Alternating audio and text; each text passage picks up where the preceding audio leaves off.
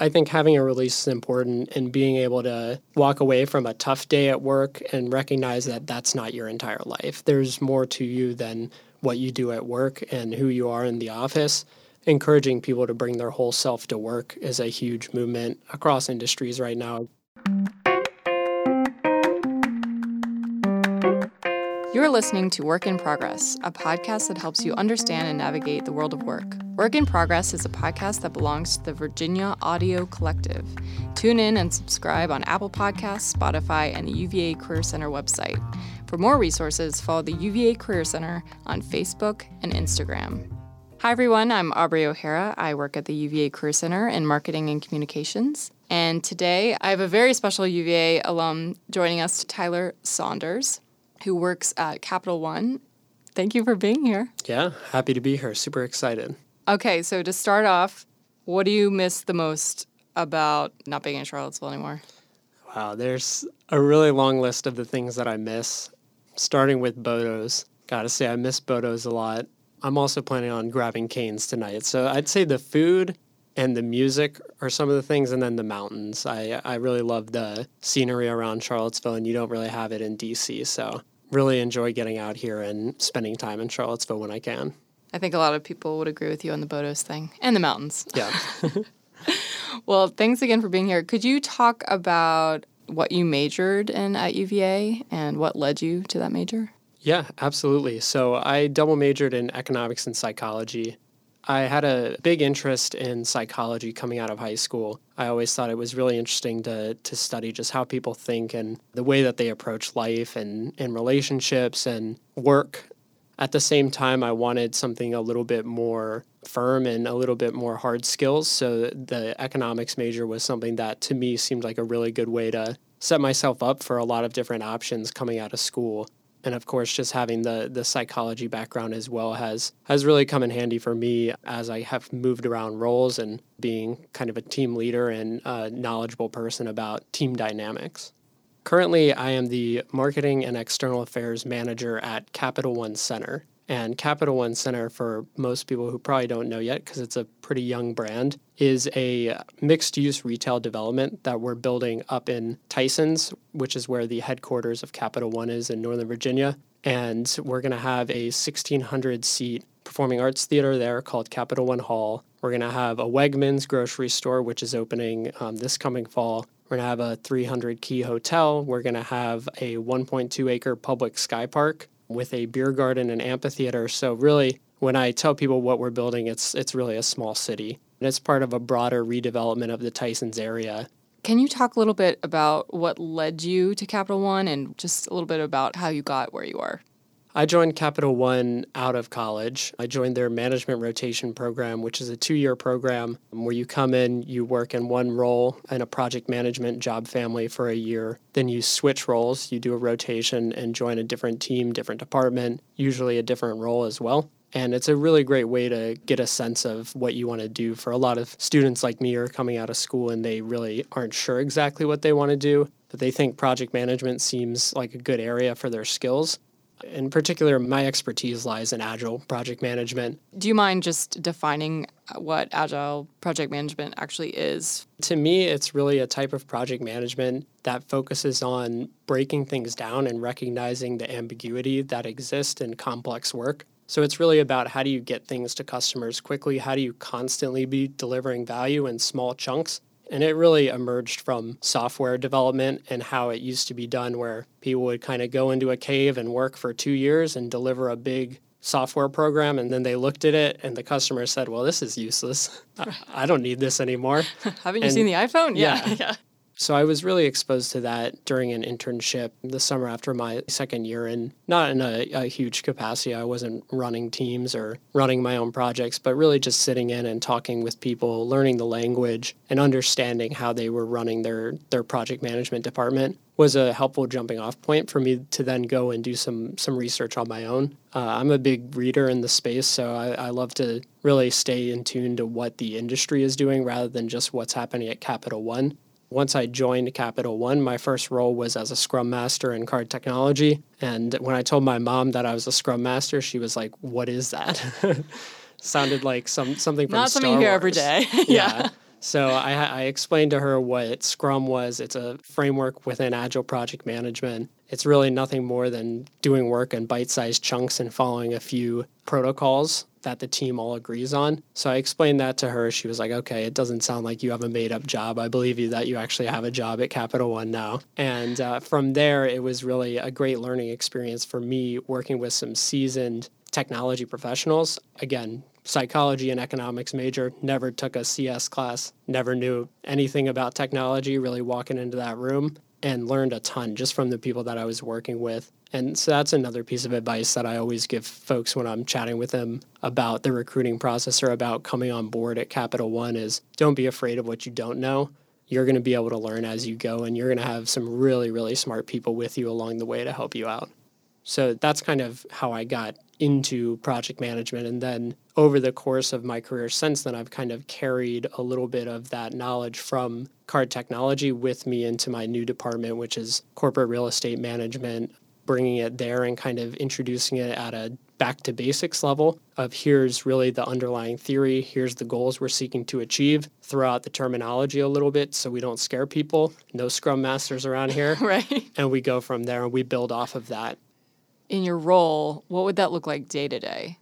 So the best way that I can give a day-to-day example of life as a agile project manager is it's really based around these consistent cadences of meetings that you're having with your team and with other teams. So, on a daily basis, teams are having stand up meetings, which are 15 minute meetings, typically at the beginning of the day, where the team gets together and they answer three questions What did you do yesterday? What did you accomplish yesterday? What are you planning to accomplish today? And is there anything standing in your way? And that last question is the key to Agile, is really identifying anything that's standing in the team's way and typically it's a scrum master who goes out and attempts to remove whatever that roadblock is. And then to get into more traditional project management, I can use one of the greatest examples there is for traditional project management, and that would be construction. So, in, in my role in Workplace Solutions, I've overseen a few floors of renovations at our old headquarters building up in Tysons. And those projects are big projects. It's a year or more long to design, plan, and build a totally new floor. And so when you're thinking about that, you're having a more traditional approach to project management, looking at a waterfall chart of, hey, here's the design phase. Here's how long that's going to take, how long it's going to take an architect to draw a construction drawing for you, how long it's going to take to get county permits. So you're really building in all of those pieces that are working to your ultimate end goal. So there's a little bit more known aspects of it as opposed to with the agile approach you're kind of saying to an extent there's a lot of unknowns out there so we don't want to plan too far ahead because we one thing that we know is that we're going to hit some unexpected things and we're going to have to deal with it with construction it's more of a known entity we know exactly what we're getting into we know how long it's going to take roughly and we expect a few things to come up but we build in buffer in the form of a contingency bu- budget and we build in buffer in the form of a little bit of extra time on the construction schedule so that we can make up time for anything that really screws up the process. We have a lot of students that are frankly terrified of reaching out to alumni for career advice, even just perspective of the day to day in the world of work. Could you talk a little bit about if you were to receive an email from a student, what your reaction would be yeah, absolutely. Alumni are always happy to hear from folks who are on grounds. People love to talk about themselves. So if you call somebody under the pretense of, hey, I'd love to hear more about your career and your role and what you do, people are generally going to say yes and they're going to be excited about telling you about what they do. So never be afraid to just reach out to somebody in that capacity. A lot of times, there's some confusion around who the real decision makers are around roles and around actually getting a job. So oftentimes I'll have a younger student reach out to me and ask about Capital One, and I'm glad to share my experience and I'm glad to kind of coach them through what the interview process is going to be like and how they can best prepare. But then it comes down to how they perform in the interview process and how the recruiting pipeline then takes shape. It's not me just handing out jobs, unfortunately. if only it were that easy. Yeah. no, that's a really good point because I think a lot of students also go to the fair and the recruiters say you have to apply online and they take that as, oh, I thought we had this great conversation. I thought we had a connection. yeah, absolutely. And I don't work in recruiting, so this is strictly my opinion, but it's not just Capital One, it's large companies. They have formal processes, and whether or not you know somebody at the company, you know, at Capital One, even if your parents work at the company, you're still coming through the same pipeline as everybody else. It has to be that way to make it fair for everybody who's applying. So just because somebody tells you, hey, yeah, you have to go apply online, it certainly doesn't mean that they didn't enjoy the conversation that they had with you. They probably did, but they're just making sure that um, you're coming through the, the right way so that you have the best chance possible to get an offer at the end of the day.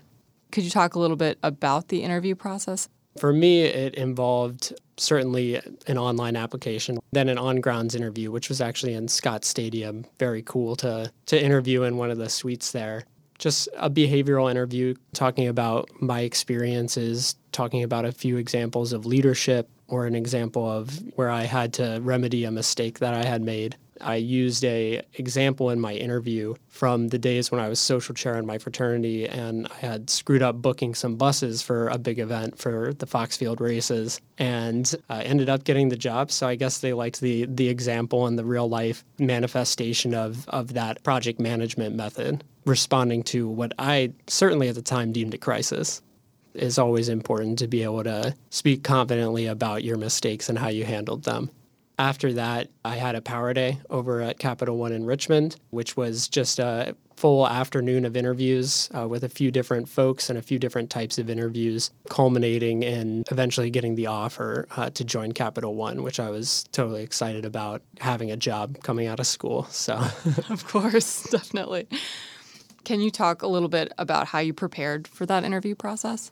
Yeah, yeah, absolutely. I think one of the biggest things for me and for a lot of people um, is preparing for case interviews. Something that people tend to get really fixated on is how do I prepare for this case interview? How do I do well in it? And really, the way that I prepared for it was by practicing with some friends of mine who had done it before, who had already been through the consulting firm or a, another firm recruiting process and had done case interviews and could kind of play the the role of the interviewer and do a real mock interview with me and give me feedback about where I did well, where I didn't, and how I could improve. So for me, it's always about practice and about repetition, as well as just having a little bit of resources. And I'm sure everybody's heard it by now, but Case in Point is a, a great book and a good place to start if you're looking for examples and ways to practice how to run a case. Interesting. Thank you for that book recommendation. Do you feel like your past internship experience is what really set you apart?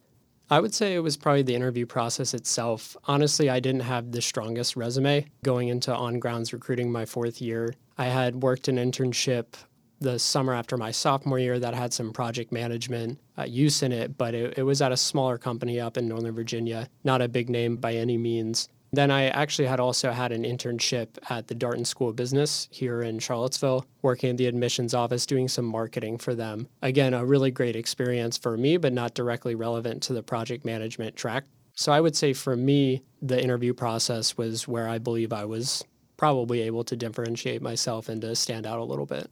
Could you talk a little bit about any professional mentors that you have or have had in the past? Absolutely.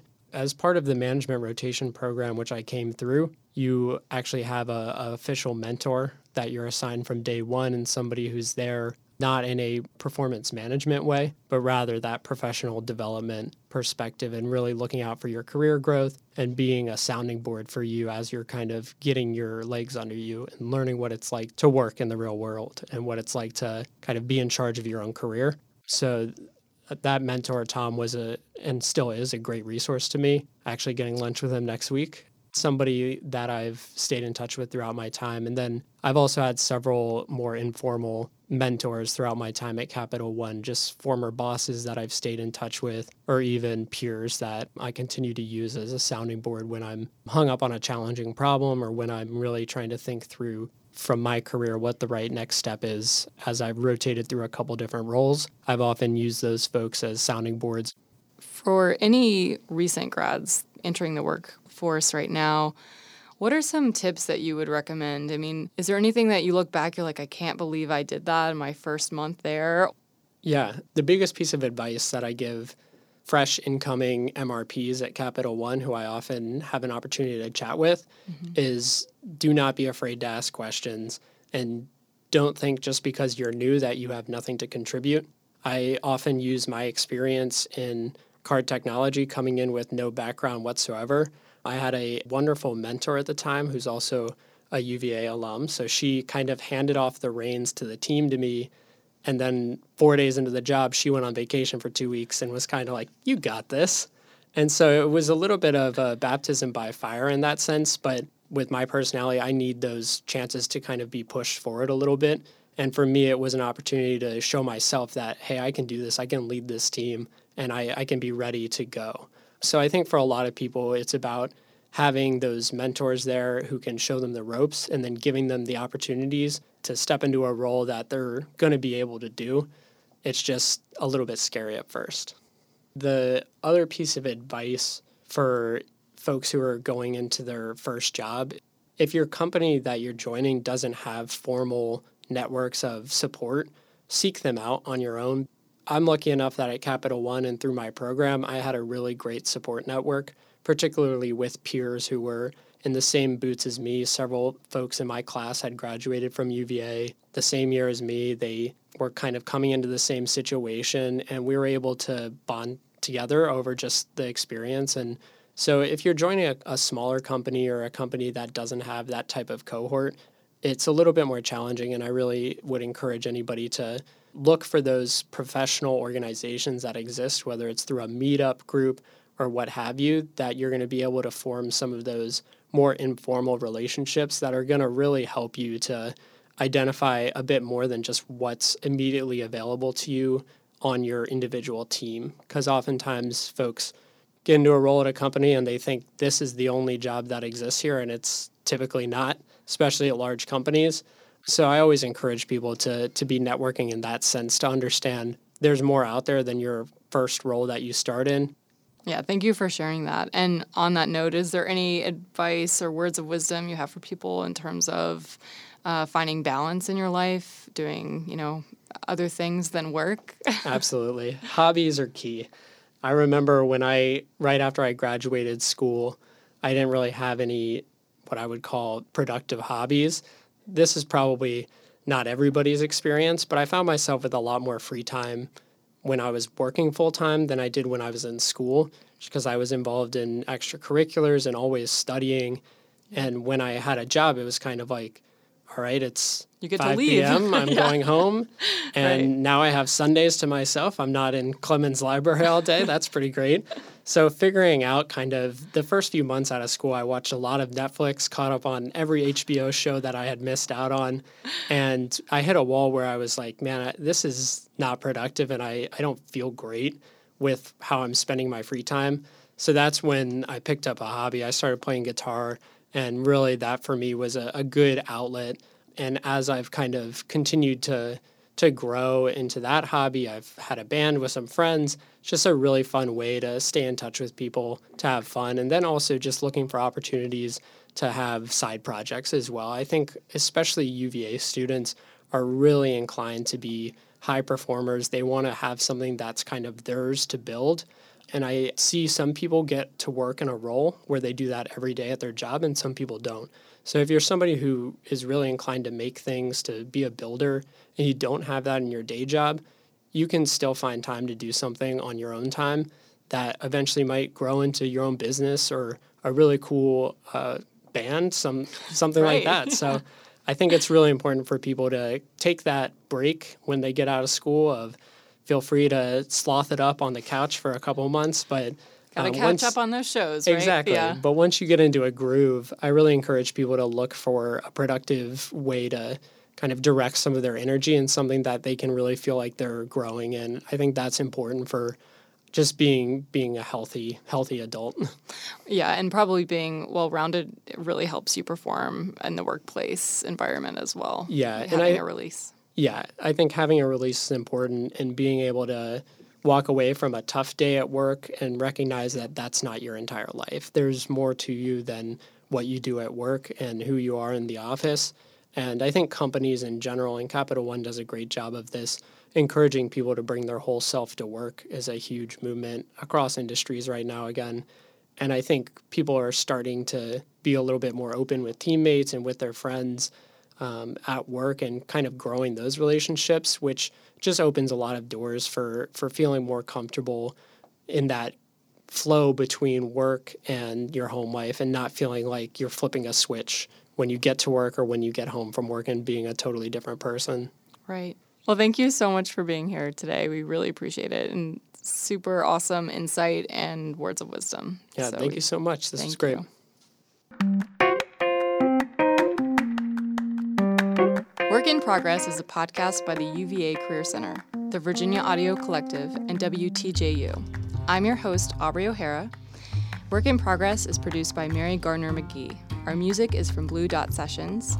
Follow the UVA Career Center on Facebook, Instagram, and Twitter, and check us out on our website at career.virginia.edu.